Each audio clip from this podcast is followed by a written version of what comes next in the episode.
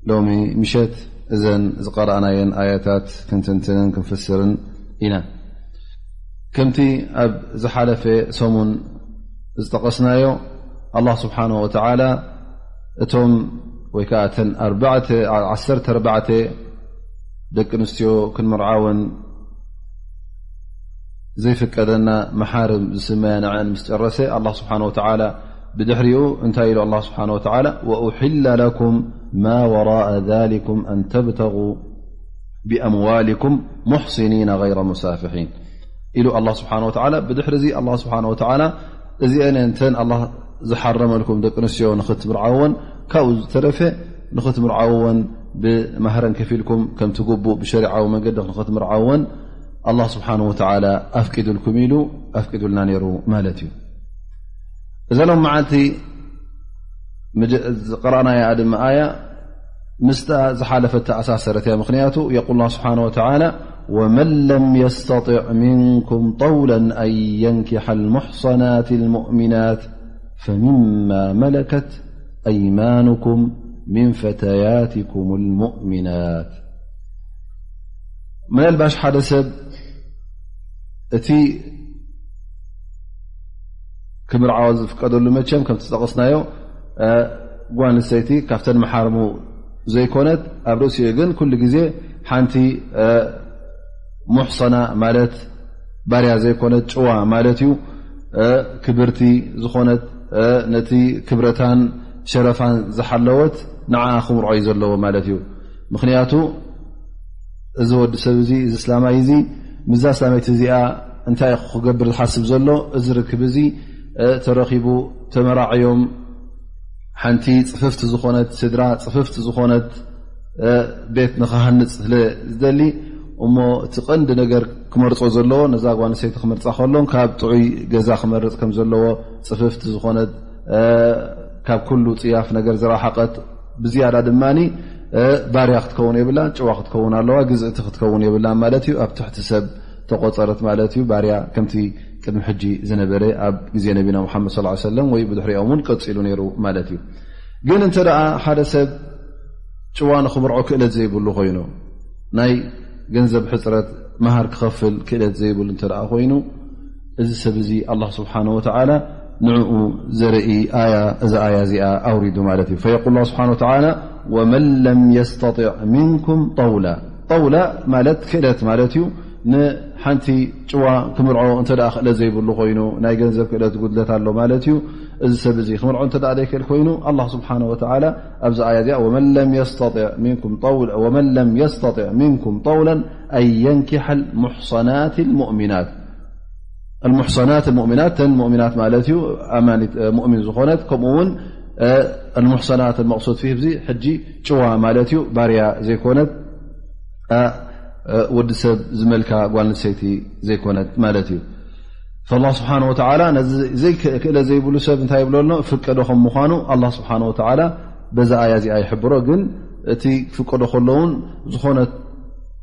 ኣይኮነ ዝወስድ እንታይ ደኣ ኣላ ስብሓን ወተላ እውን ሽሩጥ ወይ ከዓ ቅድሚ ኩነት ከም ዝገበረሉ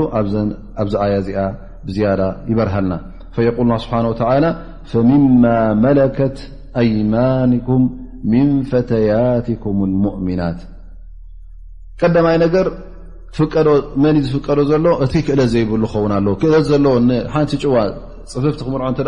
ክእለት ኣለዎ ኮይኑ ካብኡ ናፍቲ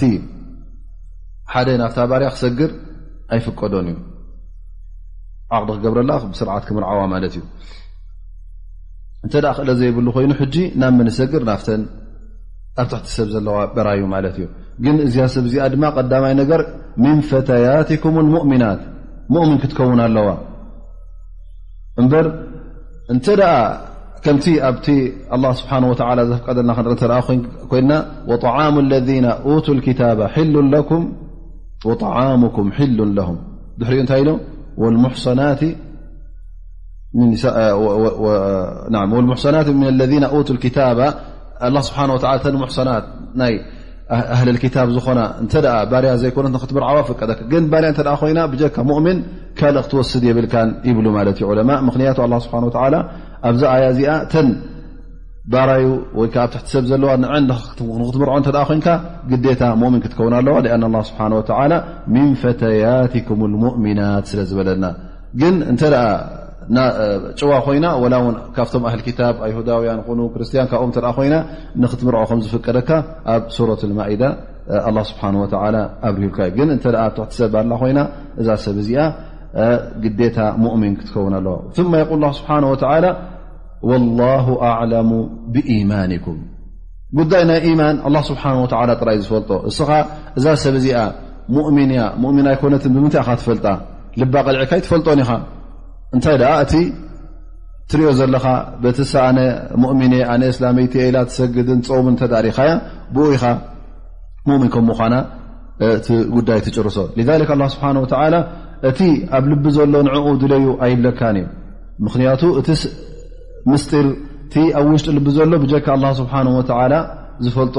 የለን ላ ኣዕለሙ ብኢማኒኩም ኢማንኩም ይኹን ናኩም ናይዛ ክትምርዓዊ ሓሲብኩም ዘለኹም ገረድ ኣላ ስብሓን ወተዓላ እዩ ዝፈልጦ ግን እቲ ኣብ መንጎኹም ዝካየድ ርክባት ኩሉ ኣብ ምንታይ ተመርኮሱ ዩ ኣብቲ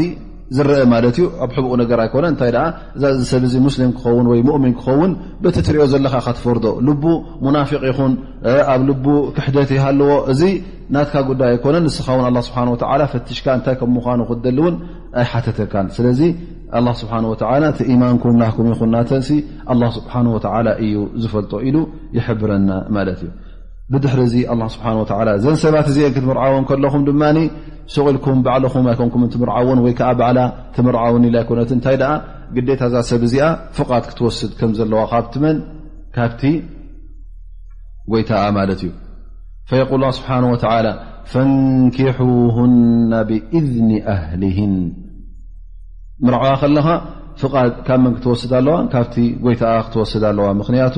ጎይታኣ እሱኡቲ ወሊ ኣምራ ስለ ዝኾነ ዝኾነት ይኹን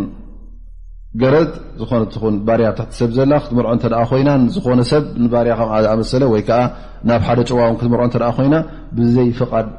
ጎይታኣ ክትምርዖ የብላን እሳ ውን ኣይኮ ላ ውን ወ ተባዕታይ ባርያ እተ ኣሎ ኮይኑ ትሕቲ ሰብ ኣሎ ኮይኑ እዚ ሰብ እዚ እውን እ ክምርዖ ኮይኑ እነቢ ለ ላ ለ ወሰለም ብፍቓድ ጎይትኡ ክምርዖ ከም ዘለዎ ምክንያቱ ኣብ ትሕቲ ሰብ ስለ ዝነብር ኩሉ እንትንኡ ናፃ ስለ ዘይኮነ እዚ ሰብ እዚ ግዴታ ብፍቓድ ክምርዖ ኣለዎ ኢሉ ነቢና ሓመድ ለ ላ ለ ወሰለም ሓቢሮም እዮም የል ነቢ ስ ሰለም ከማ ጃ ፊ ሓዲ ኣዩማ ዓብድን ተዘወጃ ብغይር እዝኒ መዋሊ ፈህወ ዓሂር ኣይ ዘማዊ ማለት እዩ እንተ ብዘይ ፍቓድ ጎይተቱ ተመርዕዩ ወላ ው ንሳ እ ብዘይ ፍቓድ ጎይተታ ተመርዕያ እዛ ሰብ እዚኣ እንታይ ትኸውን ማለት እዩ ዘማዊ ትኸውን ማለት እዩ ይ እንተ እዛ ሰብ እዚኣ ጎይታ ጓል ንሰይቲ እተ ኮይና ከ ጎይታ ወተባዕታይ ኣይኮነን ሞ ክትምርዖ ደልያ መን የመርዕዋታ ጓል ንሰይቲ ጎይታኣ ተመርዖ ወይስ እንታይ ትገብር እንተ ኢሎም ነዛ ጓል ንሰይቲ ዝመልካ ከም ጓል ንሰይቲ እተ ኮይና ብፈቓዳ ትምርዖ ግን እቲ ዘመርዕዋ መን እዩ ነዛ ሰበይቲ እዚኣ ወልያ ዝኾነ ሓላፍነታ ዘለዎ ነታ ጎይታ ማለት እዩ እሱ ኣብ ክንዲታ ሰበይቲ ኮይኑ ልክ ከም ወልይ ኣምራ ኮይኑ የመርዕዋ ኣ ነቢ ስ ሰለም ይብሉ ላ ትዘወጁ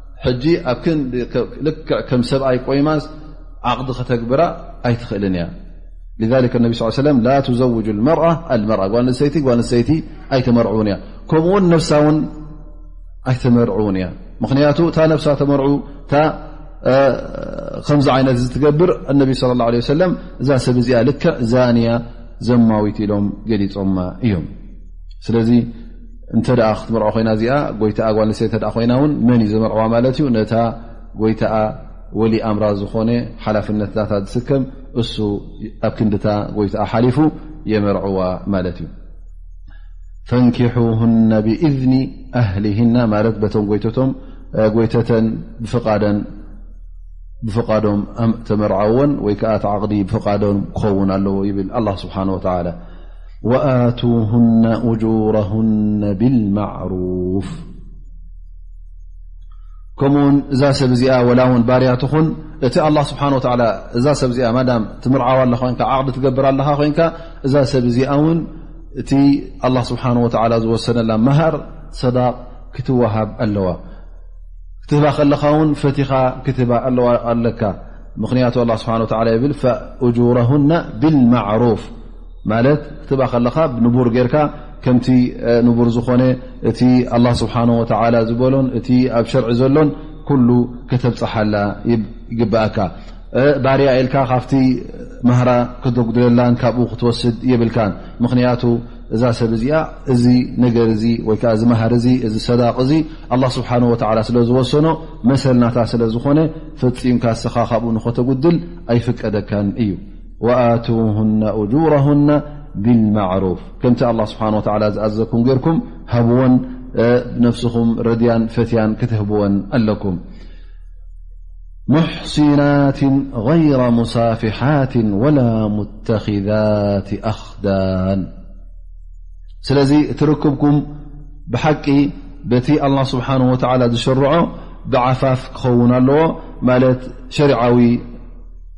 መርዓ ሸሪዓዊ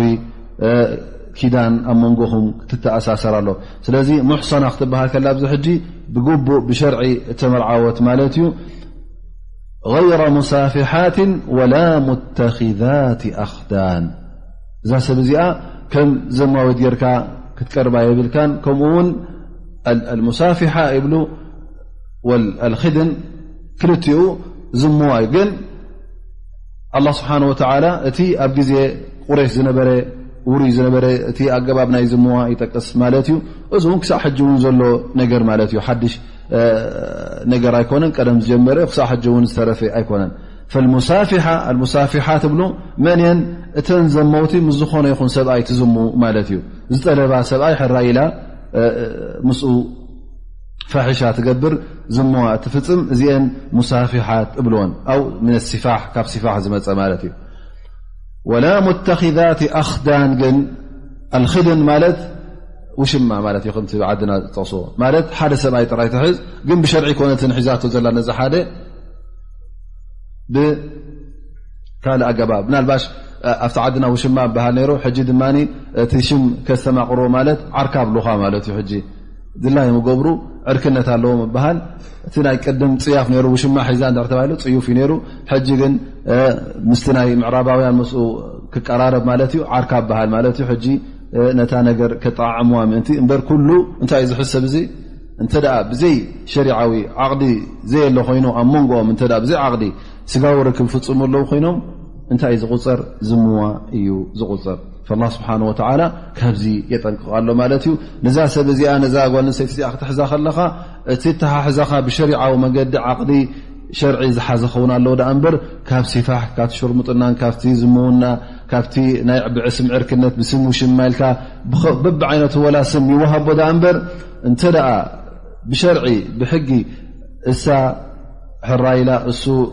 እዛ ሰብ እዚኣ ኣድልያትኒ ኢሉ ካብ ቤተሰባ ሓቲቱ ኣቦኣ ይኹን ሓዋ ይኹን ቶም እቲ ወሊ ኣምራ እሱ ኣፍቂዱ ማለት እዩ ብድሕሪኡ መሰኻኽር ጌርካ ኩሉ ማህራ ሂብካ ከምዝኣመሰለ እተ ዓቕዲ ዘይተገበረ እቲ ኣብ መንጎኦም ዘሎ ርክብ ወላ ውን ዓሰ ቁልዑት ይውለዱ ወላ ውን ዕስ ዓመት ብሓደ ሳእ ይንበሩ እቲ ዝገብርዎ ዘለዉ ኩሉ ዝምዋ እዩ ዝቁፅር ላ ስብሓን ወተላ ካብዚ የጠንቅቀሎ ማለት እዩ ሙሕሰናት غይራ ሙሳፍሓት ወላ ሙተኪዛት ኣክዳን እዘን ሰባት እዚአን ካብዚ ጉዳይ እዚ ክሕለዋ ኣለወን ይብል ወላ ውን ማለት እዛ ሰብ እዚኣ ላ ውን ትሕቲ ሰብ ያ ባርያ ኢልካ እዚ ነገራት እዚ ንዓ ኣይፀይፋን ኢልካ ክትሓስብ የብልካን ማለት እዩ ነዛ ሰብ እዚኣ ክትሕዛን ከለካ ውን ብሸርዒ ክትሕዛ ኣለካ በቲ ኣላ ስብሓን ወተላ ዝኣዘዞ ድኣ እምበር ኣነስ ነዚኣ ከመይ ገረ ክምርዓዋ ብመርዓ ክሕዛ ኢልካ ክትሓሰብ የልካ ናብ መንጎኣ ናብ መንጎይንሲ ዓቕዲ ክግበር የብሉን እንታይ ደኣ እዚኣስ ንመፃንሐ እያ ትኸውን ምክንያቱ እዛ ሰብ እዚኣ ባህርያ ትሕት እያ ኣነ ግን ጭዋ ስለ ዝኾንኩ ምስኣ ክልተና ዓቕዲ ክንገብር ስንዓይ የፀይፈኒ ኢልካ እንተ ትሓስብ ኮንካ እሞ ብዝምውና በቲ ናይ ውሽምነት ኮይኑ ወይከዓ በቲ ናይ ዕርክነት ኮይኑ ወላ ውን በቲ ናይ ካልእ ጉዳይ ምዛ ሰብ እዚኣ ስጋዊ ርክብ ክትፍፅም ኩሉ ዝምዋ እዩ ዝቁፀር እንተ ክእለት ዘይብልካ ኮይኑ ነተን ከማካ ጭዋታት ከተርከበለ እተ ዘይከኣልካ ኣላ ስብሓን ወተላ ናብዛ ባርያ እተ ኣፍቂዱልካ ኣሎ ማለት እዩ ግን ብሸሪዓዊ መንገዲ ክኸውን ኣለዎ ልክዕ ዓቅዲ ሙሉእ ዘይጉዱል ክኸውን ኣለዎ ثم يقول الله سبحانه وتعلى فإن أتين بفاحشة فعليهن نصف ما على المحصنات من العذاب ن الإحان كل ترم يوهبله فإذا أحصن الله سبحنه وتلى ت أ سب تمرعي اإحن بمعنى زواج ر شرع ر يون ካብ ሓንሳሓንሳ ድማ እሕሳን ሙሕሰናት ክበሃላ ከለዋ ብንታይ መፅ ማለት እዩ ጭዋታት ዓፊፋት ኩሉ ዘማልኣ ማለት እዩ ጭዋን ዓፊፋ ማለት ክብርቲ ፅያፍ ዘይትገብር ካብቲ ሕማቕ ነገር ዝረሓቐት ማለት እዩ ንፅህቲ ፅሪቲ ማለት እዩ በዚ ትርጉም እውን ይመፅእ ማለት እዩ ላ ስብሓን ወላ ፈኢዛ ኣሕስና ክብለና ከሎ ኣየኖትየን ተን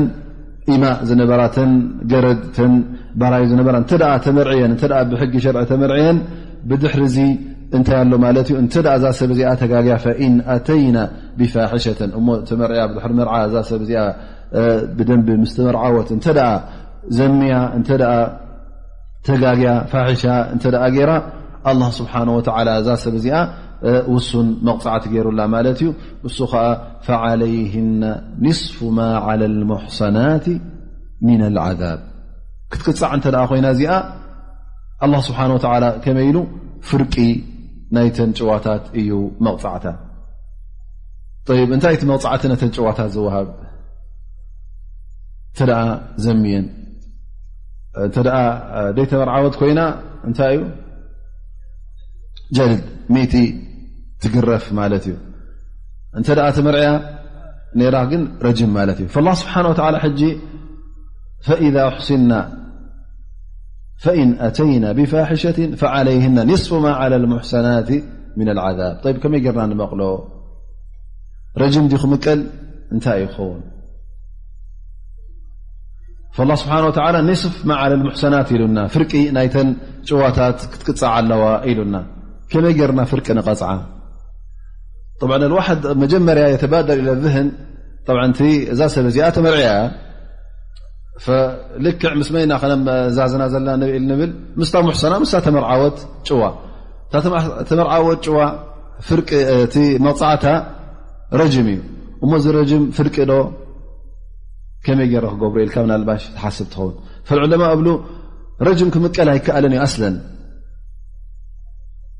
ላኖ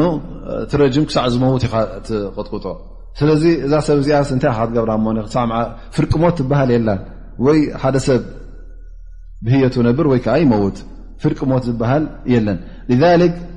እቲ ፍርቂ ዝተባህለ እቲ ክምቀል ዝኽእል ኣላ ስብሓን ወላ ንኡ ፍርቂ ግበሮ ዝብለና ዘሎ ዳኣ እምበር እቲ ዘይምቀል ኣይኮነን ን ስፉ ማ ዓለ ሙሕሰናት ማለት እቲ ጀልድ እዩ ኣብ ክልተ ዝምቀል ድኣ እምበር እዛ ሰብ እዚኣ ረጅም የብላን ማለት ኣይትቕተልን እያ ማለት እዩ መብዝሕቱ ግዜ እንተ ኣብቲ ሕግታት ናይ ቀደም ዝነበረ እተ ርእና እንተ ሓደ ሰብ ድኻ ኮይኑ ضዒፍ ባርያ ኮይኑ ወይ ከዓ ኣብቲ ህብረተሰብ እቲ ዓይኒ ክብሪ ዘይረአ እተ ኮይኑ መብዝሕትኡ ግዜ እንታይ እዮም ዝገብርዎ ነይሮም እቲ መቕፃዕቲ ኣብኡ ይድረብ ነይሩ ማለት እዩ እንተ ሓደ ሰብ ምናልባሽ ጌጋ ገይሩ ካብቶም ዓበይቲ ዓዲ ካብቶም ክቡራት እተ ኮይኑ ሰብ ቆርቦ ይነበረን መቕፃዕቲ ንኡ እንታይ ይገብር ነይሩ ማለት እዩ እዚ ኣ ከመይ ገርና ክንቀፅዖ እዚ ኣቦይ ፍላን እንዲ ወይከዓ ሃለቃ ፍላን እተተባሂሉ ላዓሊ ስለ ዝኾነ እቕፃዕ ኣይነበረን ማለት ይመሓር እዚ ወዲ እገለ ወዲ እገለ ተባሂሉ እቲ መቕፃዕቲ ካብቲ መቕፃዕቲ ነፃ ኸውን ግን እንተ ሓደ ካብቶም ተራ ህዝቢ ኮይኑ መብዝሕትኡ ግዜ እቲ መቕፃዕቲ ናበይ ድወድቕ ናፍቲ ምስኪ ናፍቲ ተራ ህዝቢ እንተ ዝከላኸለሉ ዘይብሉ ብዝያዳ ንዕኡ እቲ መቕፃዕቲ ተደራሪቡ እወድቆ ነይሩ ማለት እዩ ላኪን ኣላ ስብሓን ወላ ምን ሕክመት እዞም ሰባት እዚኦም ኣብ ትሕቲ ሰብ ዘለዉ ስለ ዝኾኑ ብዙሕ ነገራት ዝገብርዎ ካብ ኢዶም ወፃኢ ስለ ዝኾነ እውን እቲ ኣብ ጌጋ ከውድቖም ዝኽእል ብዙሕ እቲ መገዱ ብዙሕ ስለ ዝኾነ ኣላ ስብሓን ወተላ ንኣን እንታይ ገይሩ ማለት እዩ እቲ መቕፃዕቲ ኣፍኪስሎም ማለት እዩ ምኽንያቱ እንተ እዛ ሰብ እዚኣ ምናልባሽ እቲ ዝሞዋ ዘይደልዮ ትኸውን ግን ተገዲዳ እቲ ጎይታኣ ውን ዘገደዳ ክኸውን ይኽእል እዩ ኣብቲ ህብረተሰብ ውን እዛ ሰብ እዚኣ ብትሑት ዓይኒ ስለ ትጥመት ውን ምናልባሽ ሰብ ነዛ ሰብ እዚኣ ብቲ ዘለዎ ስልጣን ተጠቂሙ ሓደ ጭዋ ስለ ዝኾንኩ ሳ ባርያ ስለ ዝኾነት ኣነ ጥምዕ ናፍቲ ህብረተሰብ ክቡር ስለ ዝኾንኩ ነቶም ባራዩ ዝበሃል ንዕኦም ከም ድላይ ክእዝዞምን ከም ድላይ ክሃርሞምን ገርፎም ስለ ዝኾንኩ ምናልባሽ በዚ ፀቕጢ ወሪድዎም ኣብ ጌጋ ክወድቁ ስለ ዝኽእሉ ኣላ ስብሓን ወተዓላ ነዚ ኩነታት እዚ ስለ ዝረኣየ ነዞም ሰባት እዚኦም ኣላ ስብሓን ወተዓላ እቲ መቕፃዕቲ ኣፍኲሱሎም ማለት እዩ ብኣንፃሩ ግንቲ ውዲ ሰብ ዝፈጥሮ ዝነበረ ሕግታት እንታይ ንረኽቦ ማለት እዩ ነቲ መስኪን ነቲ ድኹም ነቲ ሰብ ዝከላኸልሉ ዘይብሉ ንዕኡ ብዝያዳ ይቆፅዖ ድኣ እምበር ነቲ ክቡር ላ ስብሓን ወተላ እንተ ደኣ እዚ ሰብ እዚ ኣብዚ ከም ዝኣመሰለ መድረኽ ኣሎ ኮይኑስ እቲ መቕፃዕቱ ኣላ ስብሓን ወተላ ኣፍኪስሉ ማለት እዩ ثማ የቁል ላ ስብሓን ወተላ እዚ ኩሉ ምስ ጠቐሰ እቶም ክምርዓው ንጭዋ ንክምርዖ ዘይከኣለ ሓደ ሰብ ጭዋ ኮይኑ ሞ ንጭዋ ክምርዖ ዘይከኣለ እዚ ኩሉ ምስ ጠቐሰ ኣላ ስብሓን ወላ እንታይ ሊከ ሊመን ኸሽየ ዓነታ ምንኩም እዚ ፍቓድ እውን ንዝኾነ ኣይኮነን ኣላ ስብሓን ወላ መጀመርያ ኣፍቅድ ኢልና ቀዳማይ ነገር ሕጂ እዚ ጉዳይ እዚ ሽሩጥ ኣለዎ ማለት እዩ ቀዳማይ ነገር ኢልና እዚ ሰብ እዚ ጭዋ ንክምርዖ ክእለት ዘይብሉ እንተደኣ ኮይኑ እዚ ቀዳማይ ሸርጢ ከማልኦ ዘለዎ እዩ ካልኣይ ከምዚ ኣላ ስብሓን ወተላ ሊከ ሊመን ኸሽየ ልዓነት ኣብለካ ኣሎ እዚ ፍቓድ እዚ ንዝኾነ ይኹን ኣይኮነ ተዋሂቡ እንታይ ደኣ እዚ ሰብ እዚ እንተ ደኣ ሰብሪ ክገብር ክዕገስ እንተ ደኣ ዘይክእል ኮይኑ ማለት ናይ ሻህዋ ጉዳይ በርትዕዎ ክምርዖ ጭዋ ክምርዖ ኣይከኣለን ሰብሪ ክገብር እውን ኣይከኣለን እሞ ካብቲ ኣብ ክንዲ ኣብቲ ጌጋ ኣብ ዝምውና ኣብ ከም ዝኣመሰለ ፋሒሻ ዝወድቕ እንተ ዘይክእል ኮይኑ ወይ ክዝሙ ወይ ከዓ ነዚኣ ሰብ እዚኣ ንክምርዖ እተ ክእለት ኣለዎ ኮይኑ ኣብ መንጎ ክልቲኡ እተ ርኣብ መንጎ ክልተዚ ሓደ ክመርፅ እንተ ዝግደድ ኮይኑ እዚ ሰብ እዚ እዩ ዝፍቀዶ ማለት እዩ ስብሓ ቃል ሊመን ኸሽየ ዓነተ ምንኩም ሰብሪ ክገብር ዘይከኣለ ምክንያቱ ጉዳይ ናይ ሻዋ እተ መንእሰይ ኮይኑ ጎበዝ እተ ኮይኑ ዝኾነ ይኹን እዚ ነገር እዚ ባህርያዊ ስለ ዝኾነ ጓል ንስተይቲ ስለ ተድልዮ ሰብሪ ክገብር ኣይከኣለን እዚ ሰብ እዚ ኣላ ስብሓን ወተላ ብሓይሊ ሰብሪ ግበር ተሓመል ኣይበሎን እንታይ ደኣ ኣላ ስብሓን ወተላ መፍትሒ ገይርሉ ማለት እዩ ከምኡ ውን ካብቲ ቅድሚ ኩነ ዘሎ ዝክሰብዚ እውን እታ ዝምርዓዋ ግዴታ እንታይ ክትከውን ኣለዋ ኢልና ሙእሚን ክትከውን ኣለዋ ስላመይቲ ክትከውን ኣለዋ ዝኾነት ክወስድ የብሉን ከምኡ ውን ኣብ ርእሲኡ ክወስዳ ከለውን ብፍቓድ መን ክወስዳ ኣለዎ ብፍቓድ ጎይታኣ ክወስዳ ኣለዎ ማለት እዩ ከምኡ ውን እቲ መሰላ እቲ ናይ መሃር እውን ክሕድጋ የብሉን እዛ ሰብ እዚኣ እንታይ ኣለዋ ባርያ ዩ እሞ ኢልካ ብሕማቕ ዓይኒ ክርያ የብሉን እንታይ ደኣ እዛ ሰብ እዚኣ ከምቲ ኣላ ስብሓን ወተዓላ ዝወሰነሉ ገይሩ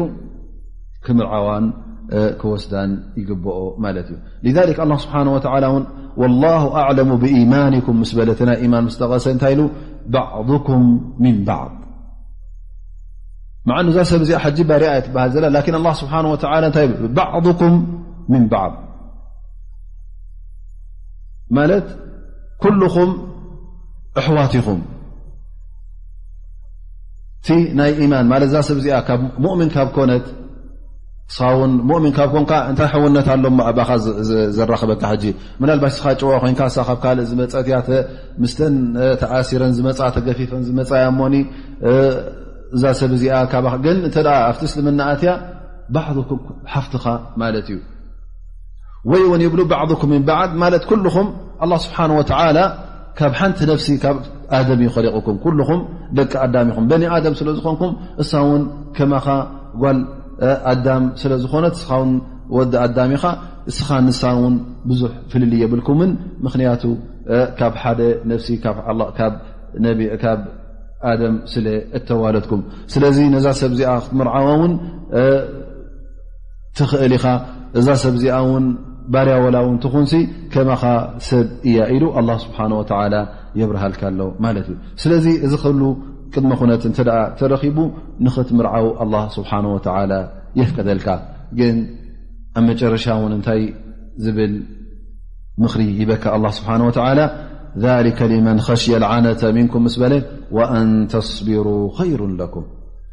ካብዚ ኩሉ ዝበለፀ ግን ሰብሪ እንተገበርካ ይበልፅ ስለምንታይ ማذ ይዋና እንታይ እታ ሕክማ እዚ ሰብ እዚ ኣብ ክንዲ ሓንቲ ባርያ ዝብርዖ ሰብሪ እንተገበረ ዝሓሸ ኢሉ ኣላ ስብሓን ወተላ ዘብርሃልና ዘሎ ምኽንያቱ እዚ ሰብ እዚ ነዚኣ ተመርዕቡ እንተ ውላድ ተረኪቡ እቶም ውላድ እንታይ እዮም ክኾኑ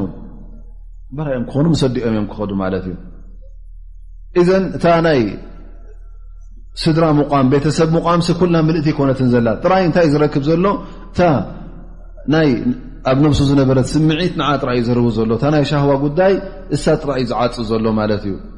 እዚኣ ንክትዓፁ እውን ኣላ ስብሓን ወላ ኣብ ክንዲ ብሓራም ትገብር ኣፍቂዱልካ ኣሎ ማለት እዩ ግን እቲ ጉዳይ ብኩሉ ክትሪኦ ከም ዘለካ ጥራይ በቲ ናይ ስምዒት ምርዋይ ክትሪኦ የብልካን እንታይ ደኣ በቲ ካልእ ሸነክ እውን ክትሪኦ ኣለካ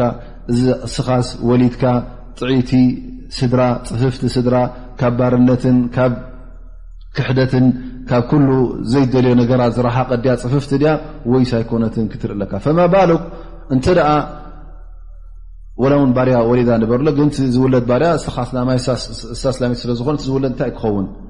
ኣስላማ እዩ ክኸውን ላኪን ኢዛ ካን ኣይን እንተ እዛ ሰብ እዚኣ ትወልዶ ካፍር ክኸውን እንተ ኮይኑ ኸ እቲ ጉዳይ እንታይ ይኸውን ማለት እዩ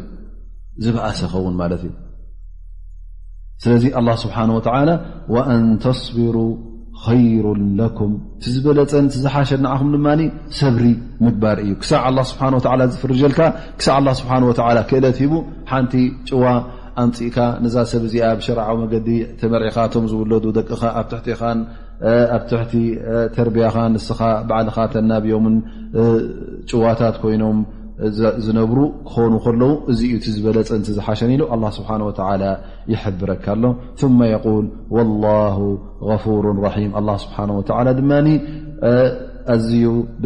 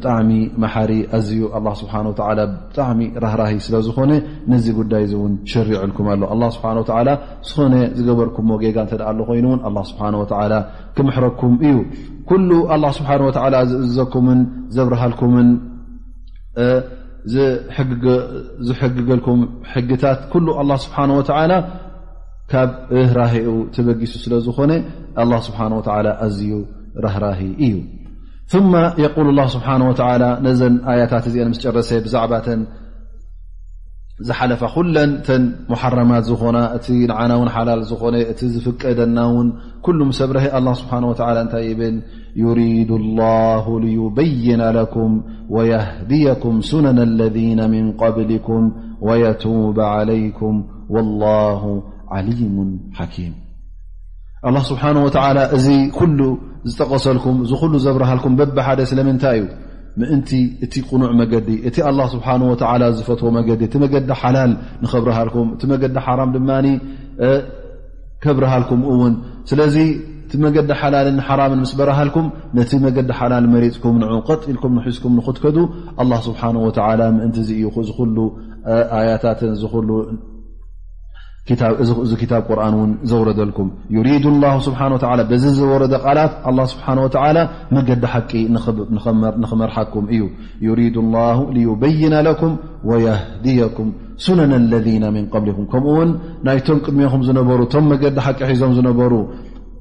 መገዶም እቲ ቕኑዕ መገዲ እቲ መገዲ ሸርዒ ዝበሃል እውን ምእንቲ ነቲ መገዲ እቲ ሒዝኩም ንክትከዱ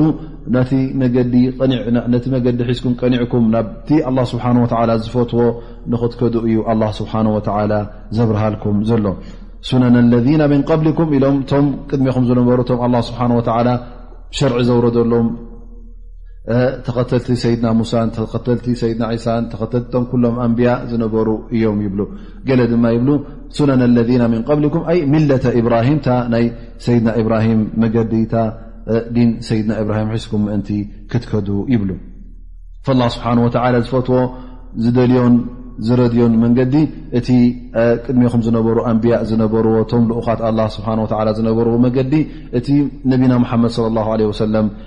ሒዙልኩም ዝመፀ መገዲ እዩ ከምኡ ውን ኣላ ስብሓን ወተዓላ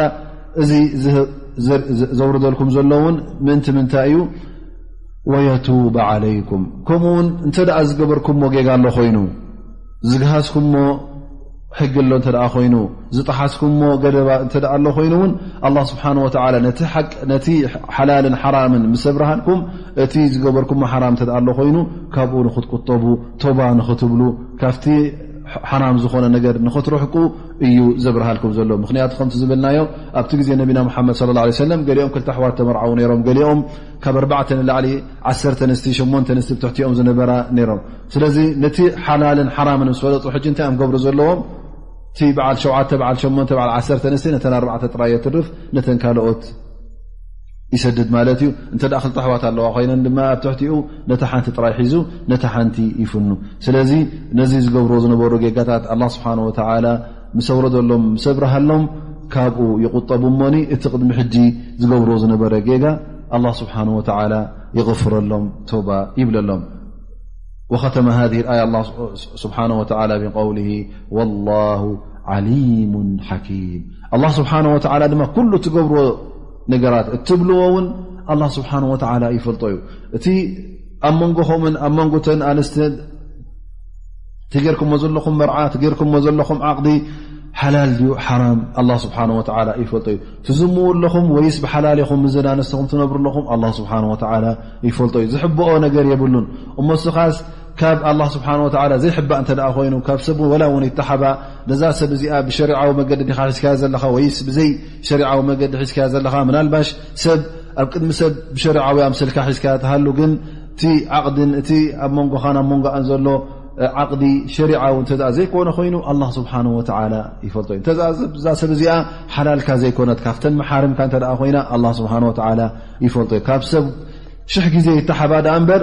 ኣላ ስብሓን ወላ ይፈልጦ እዩ ላ ዓሊሙን ኩሉ እቲ ትገብሮ ብኣፍዓሊኩም ስብሓ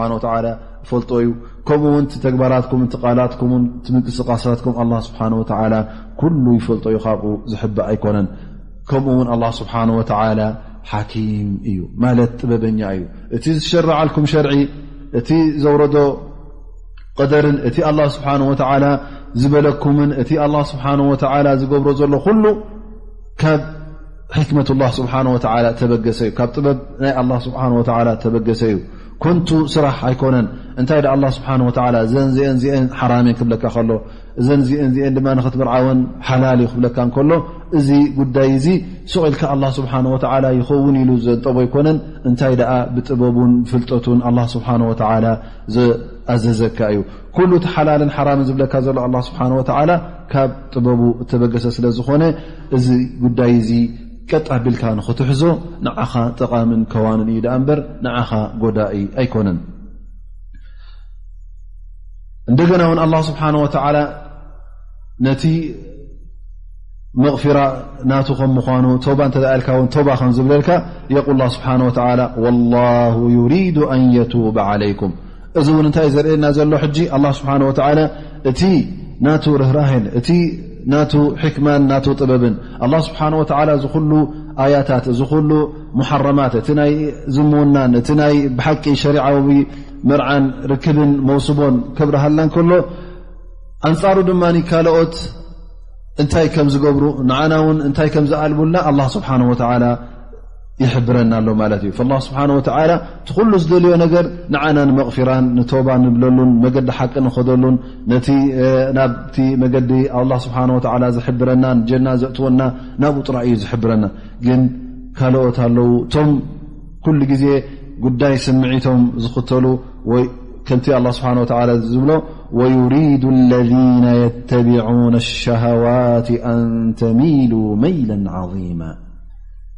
መን እዮም እዚኦም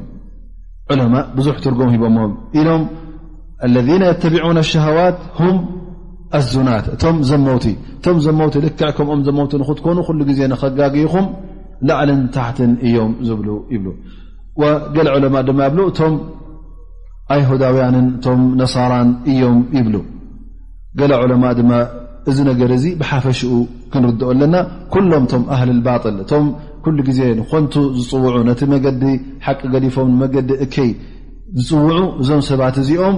ኣብ መንጎኹምን ኣብ መንጎቶም ተን ምሳኹም ዘለዋ ተን ሙእሚናት ተን ደቂ ኣንስትዮ ይኹኑ ንስኹም ደቂ ተባዕትዮን ሲ ኣብ መንጎኹም ሸሪዓዊ ርክብ ንኽሰፍን ኣይደልዩን እዮም እንታይ ደኣ እዮም ዝደልዩ ኩሉ ግዜ እዞም ሰባት እዚኦም ካብቲ መገዲ ሓቂ ንኽትርሕቁ ኣንተሚሉ መይለ ዓظማ ቀሊል ኣይኮነን ካብቲ መገዲ ሓቂስ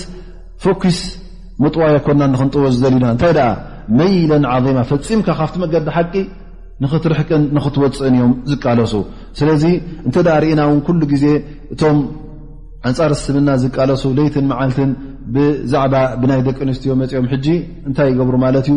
ንብኡ ከታልሉካ ይፍትኑ ሎሚ ነተን ደቂ ኣንስትዮ ናፅነተን ክወስዳ ኣለዋ ይብሉኻ ፅባሕ ንግሆ ማዕርነት ብስብ ማዕርነት ይመፁኻ ማለት እዩ ፅባሕ ንግሆ ነቲ ዘሎ ዓቕዲ እውን እዚ ሱቕኢልካ ዓቕዲ እዩ እሞኒ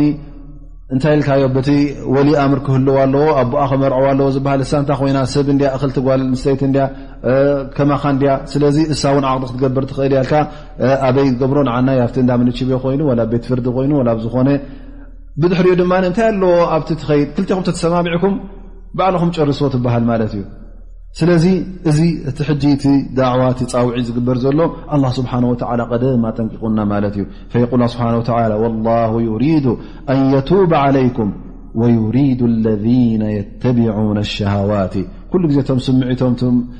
ናቶም ስምዒት ንኸርውዩ ዝደልዩ ደድሕሪ ናይ ስምዒቶም ዝጓየዩ እንታይ እዮም ደልዩ ኣንተሚሉ መይለ ዓظማ ልክዕ ንኦም ክትመስል እዮም ዝደልዩኻ ንሶም ጠፊኦም እቲ ስድራ ቤት ፅፉፍ ስድራ ቤት ዘይብሎም ኮይኖም ልክዕ ንስኻ ውን ከምኦም ንኽትከውን ላዕልን ታሓትን ይቃለሱ ማለት እዩ ስለዚ ኣብ ፅሑፋቶም ኮይኑ ኣብቲ ዘውፅኦ ፅሑፋት ኣብ መፅሓፍቲ ኮይኑ ኣብ ጋዜጣ ኮይኑ ከምኡ ውን ኣብቲ ዘውፅዎ ኣብ ናይ ቴሌቭዥን ኮይኑ ኣብ ናይ ሲነማ ኮይኑ ኩሉ ናበይ ዝፅውዕ እዮም ዝገብርዎ ናፍቲ ፋሕሻ ናፍቲ ዝምውና ዝፅውዕ ናብኡ ይገብሩ ማለት እዩ እዚ ሕጂ ምእንቲ ምንታይ እዩ ንዓኻ ንኸጥፍኡ ነቲ ዘለካ ፅፉፍ ስድራ ቤት ነቲ ፅፉፍ ናብራ ትነብሮ ዘለኻ ብፅፉፍ ትዋለድ ዘለኻ ብፅፉፍ ትዕብዮም ዘለኻ ነቶም ደቅኻ ንኡ ኣረሲዖም ብስም ሶሻሊዝም ኮይኑ ብስም ናይ ስነ ፍልጠት ተባሂሉ ኮይኑ ብካልእ ዓይነት ስም ኮይኑ ብናይ ምዕባለ ተባሂሉ በዝን በዝን እናመፁ ንዓኻ ንኸጥፍኡኻን ካብቲ መገዲ ኣላ ስብሓን ወተላ ንኸርሕቑኻ ይፍትኑ ማለት እዩ እዚ ናቶም ጉዳይ ከም ምኳኑ ኣላ ስብሓን ወተላ ይሕብረና ወላ ስብሓን ወተላ እውን እቲ ዝእዝዘና ኩሉ ግዜ ከቢድ ኣይኮነን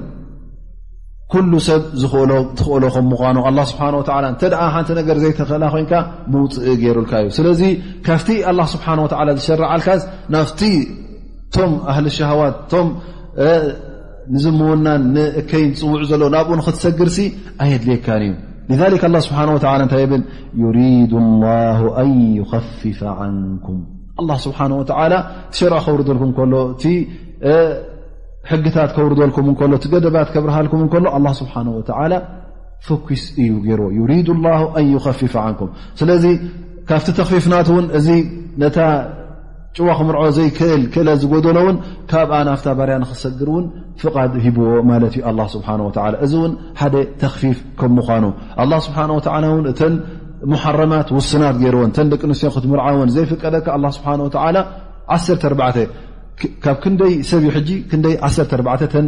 ቀረባ ቀረባ ትውልዲ ዘለካ ንዕአን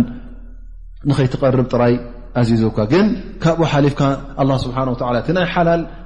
ኣስፊሑን ኣክፊሑን ገዲፉካ ስለዚ እቲ ሓራም ኩሉ ግዜ ውሱንን ሓፂርን ንእሽተይ ንኸውን ማለት እዩ እቲ መገዲ ሓላል ግን ኣላ ስብሓን ወተላ ገፊሕ ገይሩልካ ማለት እዩ ኣ ስብሓ ይብል ዩሪዱ ላ ኣን ይከፊፍ ዓንኩም ኣላ ስብሓን ወላ ኩሉ ዝሽርዓልኩም ንዓኹም ከፋኹሰልኩምን ከቃልልኩም ዩዳኣ እምበር እቲ ካልኦ ዝደልዎ እቶም ፋስቂን ዝደልዎ ንገዛእ ርእሱ ዘቃልል ኣይኮነን እንታይ ደኣ መሊሱ ነቲ ህብረተሰብ ዘኽብዶን ዘኽፍኦን እዩ እተ እዚ ህብረተሰብ እዚ ብሓራም ዝተወልዱ ቆልዑት እተ በዚሖሞ እንታይ ዓይነት ህብረተሰብ ክኸውን እዩ ሃ ቁኑዕ ህብረተሰብ ዲኸውን ዝያዳ እቲ ጉዳይ እናበእሰ እናኸፍአን ይኸይድ ዳኣ እምበር እንተ ብሓላል ወሊድካ ግን እተ ነዚ ዝውለድ ቆልዓ ብሓላል ተወሊዱ ኣብ ትሕቲ ብኡን ኣዲኡን ነይሩ ብፅቡቕ ኣተዓባቢ ኣዕብዮሞ ፅቡቕ ትምህርቲ እናሃቡ መገዲ ረቢ እናፍለጡ እተ ዓብዮሞ ከምቲ ኣብ ፈቐዶ ሸዋራ ኣብ ጎደናታት ዝዓቢ ኣብኡ ዘይፈልጥ ኣዲኡ ዘይፈልጥ ወዲ መን ከም ምኳኑ ዘይፈልጥ እተ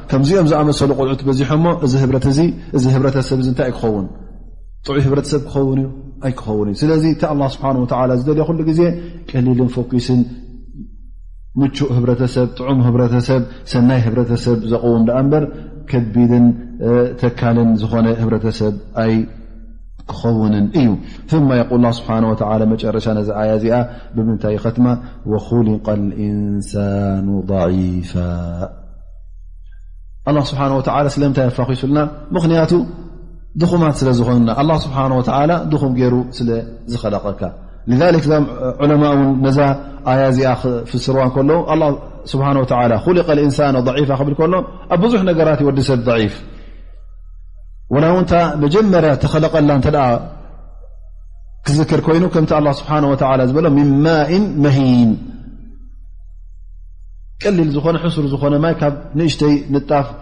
ክንጥፍጣፍ ትኸውን ማይ ካብኣ እዩ ተኸሊቑ እዚ ሰብ እዚ ስለዚ ወዲ ሰብ ድዒፍ ከም ምኳኑ ካብቲ ፈጣጥርኡ ጀሚርካ ክሳዕ ዝመውትን ክመውት ከሎ ክትሪኦ ከለካ ውን ክእለት ከም ዘይብሉ ሞት መፅያቶ ሕማም መፅኡ ክከላኸል ከም ዘይክእል ብዙሕ ነገራት ኣለዎ ግን ኣላ ስብሓን ወተላ ሕጂ ኣብዛ ኣያ እዚኣስ ስለምንታይ ወኹልቀ ልእንሳኑ ضዒፋ ኢሉ ضዒፍ ከም ዝኸውን ከም ዝጋገ ኣላ ስብሓን ወተላ ምእንቲ እዚኡ ኣብርህልና ይብሉ ስለዚ እዘን ሰባት እዚኦ ምናልባሽ ወላ ውን ምስ ኣእምሮኻ ከለኻ ወላ ውን ምስ ክእለትካ ከለኻ ምስ ፍልጠትካ ከለኻ እዘን ሰባት እዚኦን እውን ከጋግያኻ ከም ዝኽእላ ምኽንያቱ ኣላ ስብሓን ወተላ እዚ ጉዳይ እዚ ኣብ ነፍሲ ወዲ ሰብ ተፈጥሮ ስለ ዝኾነ ኣብ ናይ ሻህዋ ጉዳይ ኣብ ናይ ስምዒት ጉዳይ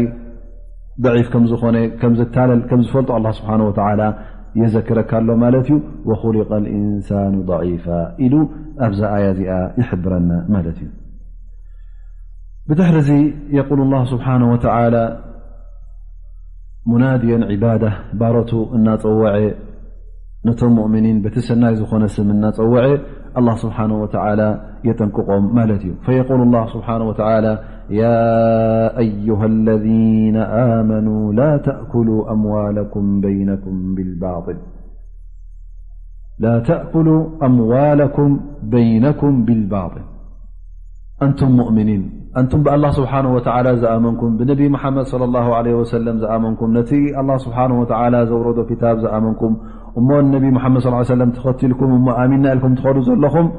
ኣላ ስብሓን ወተዓላ ከምዚ ዝኣመሰለ ትእዛዝ የመሓላልፈልኩም ኣሎ ፈየቁል ላ ተእኩሉ ኣምዋለኩም በይነኩም ብልባጥል ገንዘብኩም ኣብ መንጎኹም ዘሎ ገንዘብሲ ፈፂምኩም ብዘይ መገዱ ብኾንቱ ክትበልዕዎን ክትወስድዎን የብልኩምን ኣላ ስብሓን ወተላ ጠብዓ ብልባጥል ኢሉ እዚ ባጥል እዚ ብዙሕ ዓይነት እዩ ወይ ሓረጣ ክኸውን ይኽእል እተ ኣብ መንጎኻን ኣብ መንጎ ዝኾነ ሰብን ሓረጣ ጌርካ ብሓረጣ እተ በሊዕካዮ ወይ ከዓ ሓረጣ እተ ውን ኣብሊዕካዮ ተኻፊልካ ማለት እዩ ወይ እውን ብስርቂ ዝወሰድካ ይኸውን ይኽእል ወይ እውን ካብ ሰብ ዘመትካዮ ይኸውን ይኽእል ወይ ውን እዚ ገንዘብ እዚ ተሃጊሩ ኢልካ ብስም መንግስቲ ክህገር ዘይግብኦ ኣ ስብሓ ዘይወሰኖ ተሃጊሩ ኢልካ ክትሐድግ ከለኻ ወይ ውን ሓይልኻ ኣሚንካ ገንዘብ ሰብ ክትምንጠል ከለኻ ስለዚ ዝኩሉ ኣላ ስብሓ ወላ ካብ ዝኩሉ የጠንቅቐና ማለት እዩ እሞ ፈፂምካ ዝኾነ ይኹን ገንዘብ ናይ ዝኾነ ይኹን ሰብሲ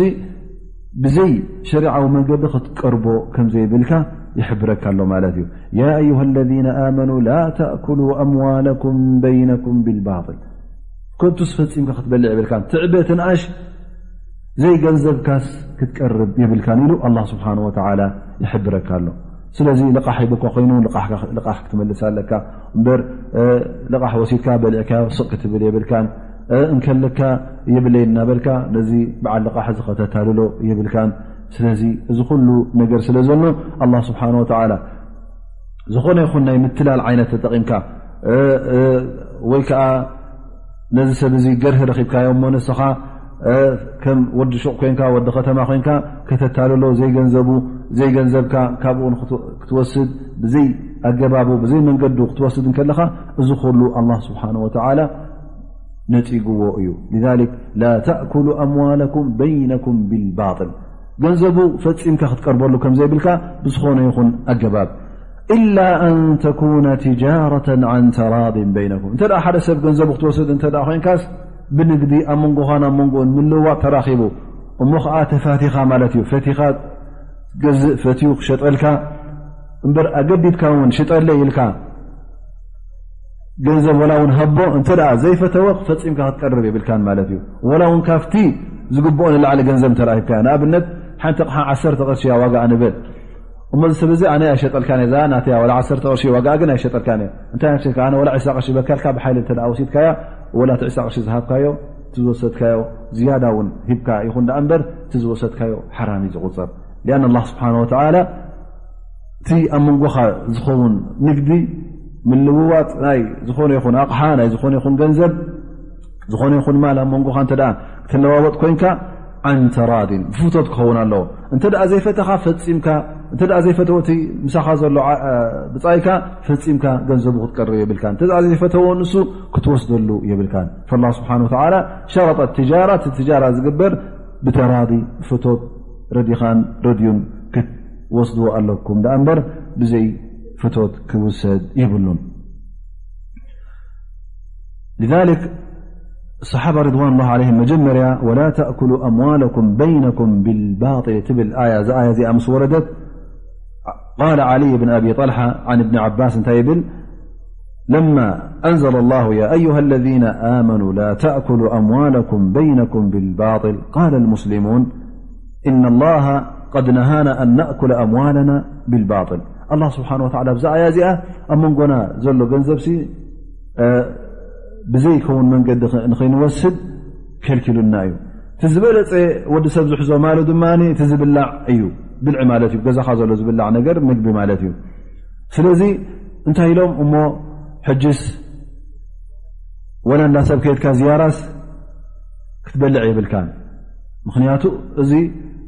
ገንዘብ ሰብ እኒ ከመይ ገር በልዖ ኢሎም እቶም ሰሓባ በቲ ዝነበሮም ዝሁድ እቲ ትእዛዛት ኣላ ስብሓን ወተላ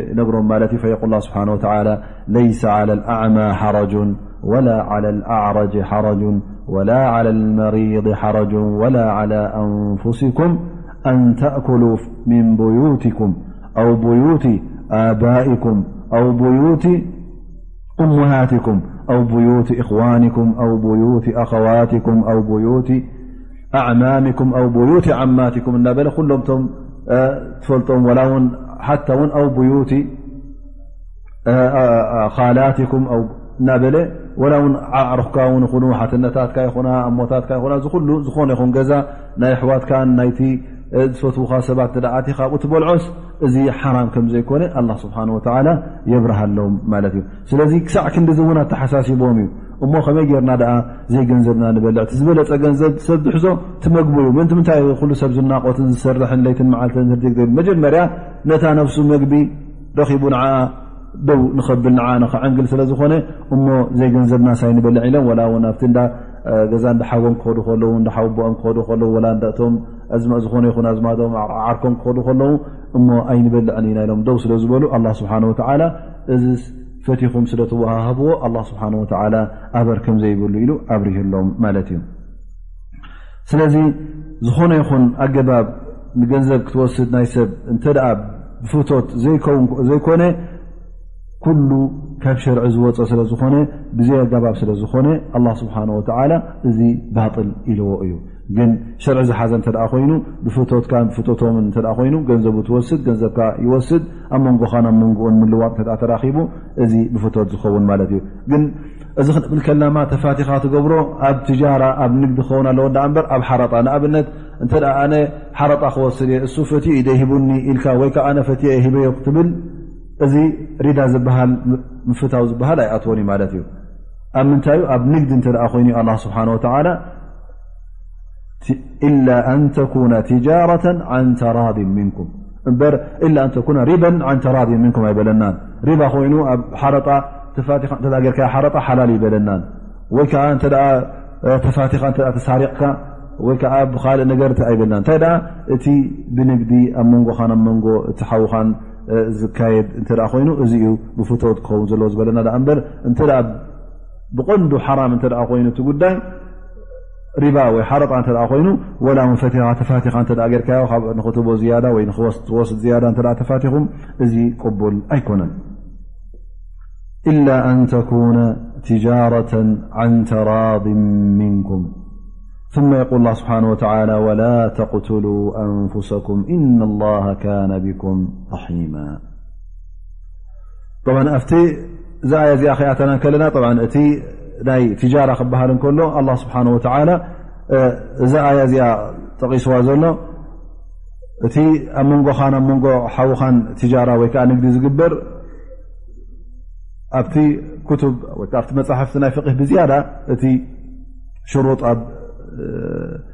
መሸጣ ዝግበር ወይ ከዓ እንታይ እንታይን እዩ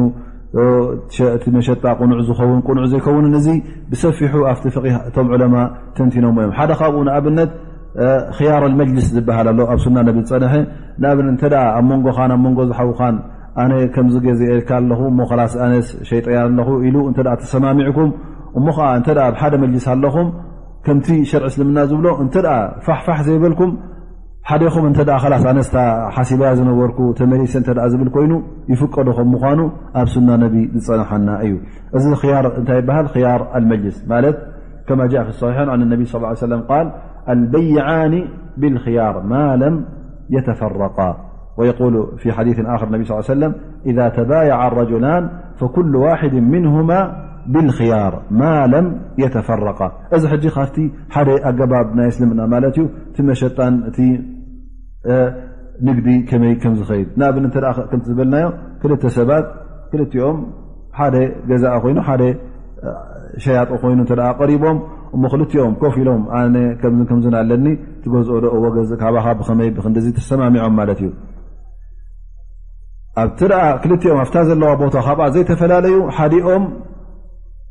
እቲ ስምምዕ ንኸፍርሶ ይፍቀዶ ማለት እዩ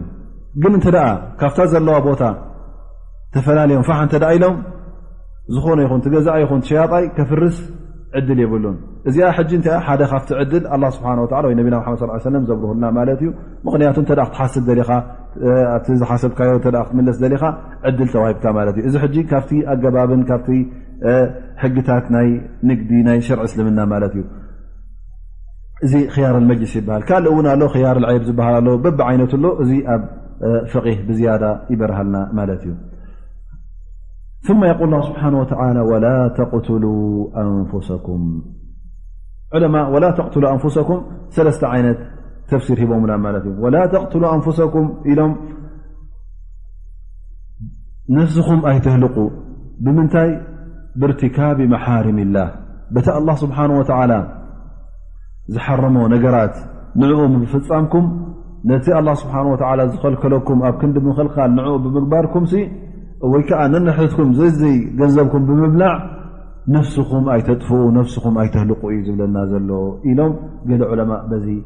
ትርጉም እዚ እውን ሓደ ቁኑዕ ትርጉም ክኸውን ይኽእል ብዙሕ ዓይነት ን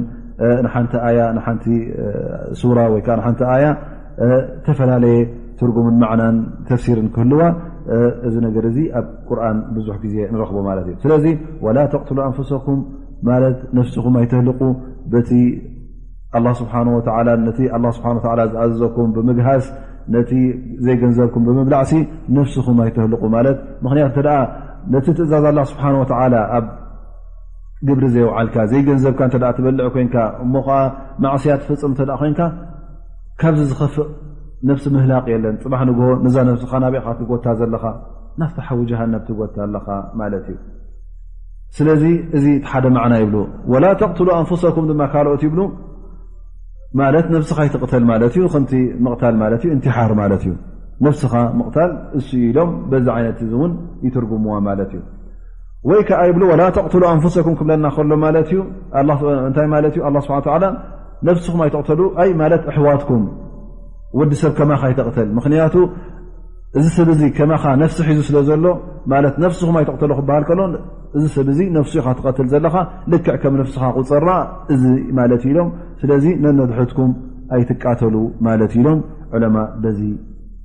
ዓይነት ትርጉም ይብላ ማለት እዩ ስለዚ ኣላ ስብሓን ወተላ ወላ ተቕትሉ ኣንፍሰኩም ክብለና ከሎ እዚ ሰለስተ ዓይነት ትርጉም ዝሓዘለ እዩ ይብሉ ላ ስብሓ ዛ ኣያ ክትርጉማ ክጭርሳ ከሎ እና ላሃ ካነ ብኩም ራሒማ ብዝያዳ ኣላ ስብሓን ወተዓላ ካባና እውን ነዚ ነብስና ከም ዝርህርሃሉ የብርሃልና ማለት እዩ እታ ነብሲ ናህካ ከም ዘይኮነት ክትቀትላ ወላ እውን እዛ ነብሲ ነብስኻ ከላ ኣላ ስብሓን ወተዓላ ንዓኻ ሕድሪ ሂቡካ ዘሎ ዳኣ እምበር እዛ ነብሲ እዚኣ ዝወነንካያ ነብሲ ኣይኮነትን ኣላ ስብሓን ወተዓላ ይኸሊቕዋ እሱ እዩ ድማ ንከሙታን ንክቀትላን ዝፍቀዶ እንተ እዛ ነብሲ እዚኣ ብዘይ ሕጊ እተ ቀትልካ ነብስኻ እተ ቀትልካ እስኻ እንታይ ትገብር ኣለኻ ማለት እዩ ሕጊ ትሰግር ኣለኻ ገደብ ትሰግር ኣለኻ ማለት እዩ ኣላ ስብሓን ወተላ ውን ብዝያዳ ነቲ ነብስኻን ነቲ ህብረተሰብን ብዝያዳ እዩ ካባኻ ይርህርሃሉ እቲ ዝበካ ዘሎ ትእዛዛትን እቲ ዘመሓላልፎ ዘሎ ገደባ ድማ ኣላ ስብሓን ወተላ ንዓኻ ራህርሁልካ ዩ ዳኣ እምበር ንዓኻ ፈትውካ ዩ ዳኣ እበር ንዓኻ ፀሊኡካ ኣይኮነን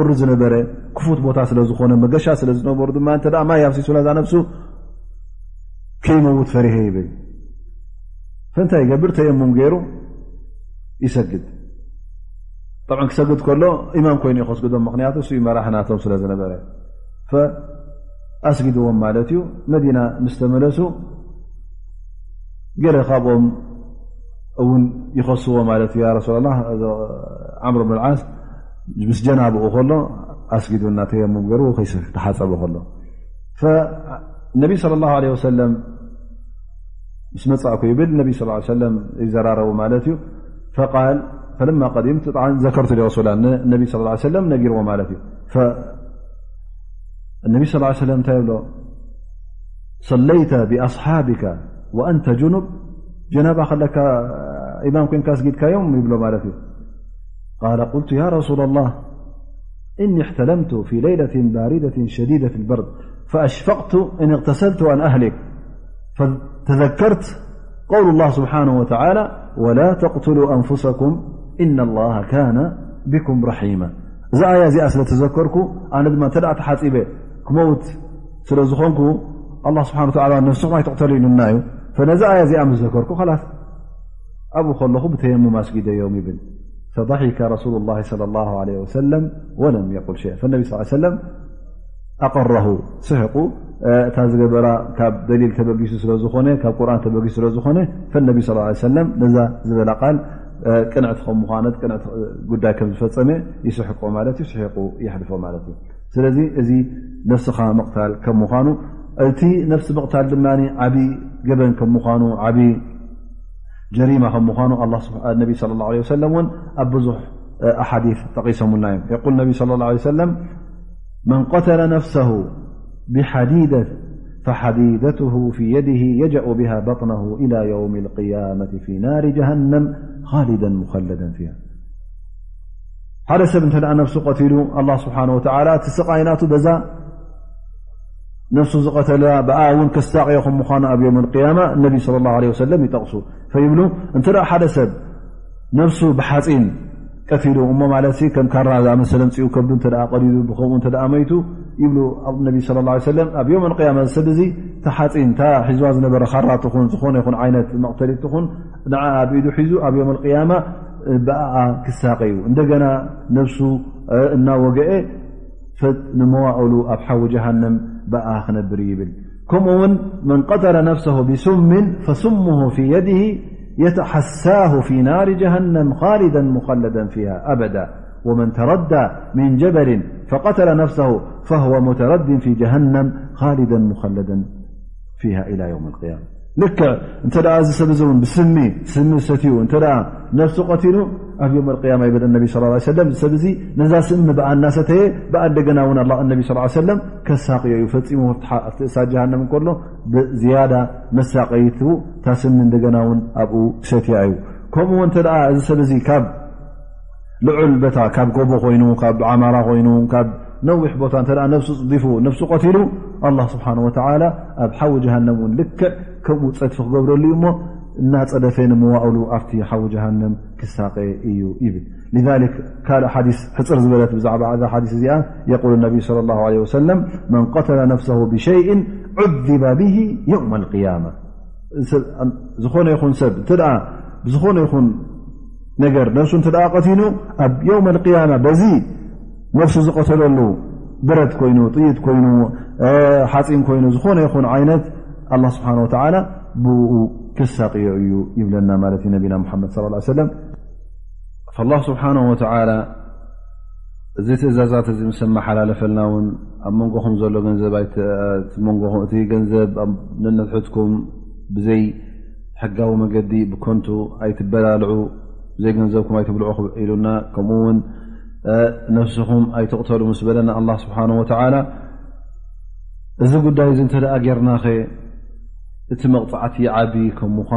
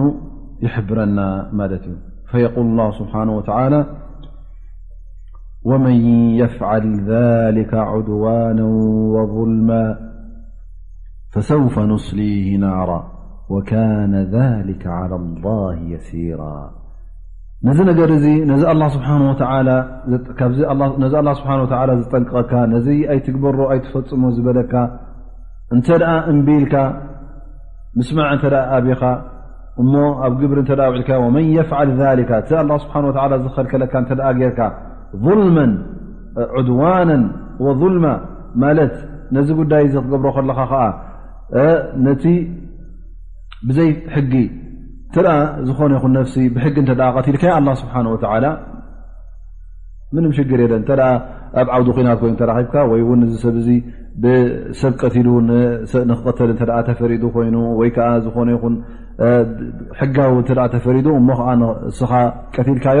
ብሕጊ ስለ ዝቐተልካዮ እዚ ካብኡ ውፅእ ማለት እዩ ግን እንተ ሕጊ ጥሒስካ ብዘይ ሕጊ ብዘይ ገለ ዑድዋነን ኣላ ስብሓን ወላ ዘይፍቀደልካ እንተ ነዚ ሰብ እዚ ቀትልካዮ ወظልመን ከምኡ ውን ብዓመፅ ካብ ዓመፅ ተበጊስካ ብዘይ ገለ ሓቂ እንተ ነዚ ጉዳይ ዝፈፂምካ ኣላ ስብሓን ወተላ እቲ ዝፅበካ ዘሎ መቕፃዕቲ እሳተ ጀሃንም ከም ምዃኑ የብርሃልካ ወመን የፍዓል ዛሊካ ዑድዋና ወظልማ ሕጊ ግሂዝካ እሞ ኸዓ ኣብ ርእሲኡ ዓመፅ ወሲኽካ እንተ ኣ ነዚ ነገር እዚ ፈፂምካ ኣላ ስብሓን ወተላ እሳተ ጀሃንም ኣብኣ ክጠብሰካ እዩ እታ ጀሃንም ክእትወካ እዩ ፈሰውፈ ኑስሊሂ ናራ ካብ እሳት ዝኸፍእ ድማ የለን እዚ ጉዳይ እዚ ድማ ንኣላ ስብሓን ወተዓላ ዝኸብዶ ኣይምሰልኩም ንኣላ ስብሓን ወተዓላ ዘሸግሮ ኣይምሰልካ እንታይ ደኣ እንተ ደኣ ቀፅዓካ ኮይኑ እሞ ከዓ ዋላ እውን ብሚልዮናት ዝቆፀሩ እዞም ዝቕፅዑ ሰባት ዘይተኣደኑ ይኹኑ ደኣ እምበር ኣላ ስብሓን ወተዓላ ንኹሎም መመቕፃዕቶም ንኸብፅሓሎም ንኹሎም ንኽቆፅዖም ኣላ ስብሓን ወተላ ኣይከብዶን እዩ ذ ላ ስብሓ ወካነ ذሊከ ዓላ ላ የሲራ ክንደይ ኢሉ ኣላ ስብሓን ወላ እዞም ብዘይ ገለ ነገር ንሰብ ዝቐትሉ ዘለዉ ወይ ከዓ ነብሶም ዝቐትሉ ዘለዉ ውሑዳት ኣይኮኑን እሞ ምናልባሽ ክንደይ ኢሉ ሰብ ክንደይ ሉ ኣላ ስብሓን ወላ ክከሳቂ እዩ ክንደይ ኣሽሓት ክንደይ ምልዮናት ሰባት ነዚ ጉዳይ እ ዝፈፀሙ ኣለዉ ዘይገንዘቦም ዝበልዑ መዓስ ቀልልቲ ኮይኖም እሞ እዞም ሰባት እዚኦም ኣላ ስብሓን ወላ ዘይራኸበሎም ኣይምሰልካ ከመይ ገይሩ ክራኸበሎም እዩ ኣብ ምንታይ ክእትዎም እዩ ከመይ ገይሩ ክሳቅዮም ኢልካስ እዚ ነገር እዚ ክትሓስቦ የብልካ ስብሓ ወካነ ሊከ ላ የሲራ እዚ ነገር እዚ ቀሊል እዩ ኣላ ስብሓን ወላ ንክሳቅዮም ንዝኾነ ይኹን ሰብ ተጋገየ ክቆፅዖ ንኣላ ስብሓን ወተላ ፈፂሙ ኣይከብዶን እዩ ብጣዕሚ ኣዝዩ ቀሊል እዩ ኢሉ እንታይ እዩ ዝገብር ዘሎ ኣ ስብሓ ወላ ሕጂ የጠንቅቐና ኣሎ ማለት እዩ የህድደና ኣሎ የፈራርሃና ኣሎ እዚ ነገር ሲ ኣላ ስብሓን ወተላ ክራኽበልና ከም ዝኽእል ካብ ምናልባሽ ካብ መንግስቲ ክትሃድም ትኽእል ምናልባሽ ካብ ሓያል ሰብ ክትሃድም ትኽእል ምናልባሽ ካብ ዝኾነ ይኹን ኣሎ መቸም ዓሰርተ ካሚቲ ኮይኑ ሓደ ካሚቲ ኮይኑ ወላ ፍርቂ ካሚቲ ናይ ምህዳም ዕድል ትረክብ ትኸውን ግን ካብ ኣላ ስብሓን ወተዓላ ፈፂምካ ትሃድመሉ ዕድል ይብልካ ስለዚ ኣላ ስብሓን ወተዓላ እዚ ጉዳይ እዚ ንዓኹም ነቶም ተጋገኹም ንኸሳቅየኩም ሲ ቀሊል እዩ ብጣዕሚ ቀሊል እዩ ኩልኹም ሲ ከራኽበልኩም ይኽእል እየ እሞ ተጠንቀቑ እሞ ንዓይ ፍርሁ ኢሉ ኣላ ስብሓን ወተዓላ ነዚ ኣያ እዚኣ በዚ መጠንቀቕታ እዚ ይድምድማ ማለት እዩ ዝቕረኣናየን ኣየታት ሓንቲ ተሪፋ ኣላ ሳ ድማ እቲ ናታ ሸርሕ ንውሕ ዝበለ ስለ ዝኾነ እቲ ሰብዒ ሙቢቃ ተን ሸውዓተ ከባኢረ ዝነቡ እንታይ ከም ምዃና ኣብ ብዙሕ ኣሓዲ እውን ካብ ሸውዓተ ንላዕሊ ኣብ ካልእ ስለ ዝመፃ እውን ነዘን እንሻ ላ ኣብ ዝመፅ ዘሎ ሰሙን ዕድል ዝያዳ ንክንረክብ እዛ ሎምዓል ዝቐረኣናይ ናይ መጨረሻ ኣያ እንሻ ንዝመፅ ዘሎ ሰሙን ነመሓላልፋ እንሻ ላ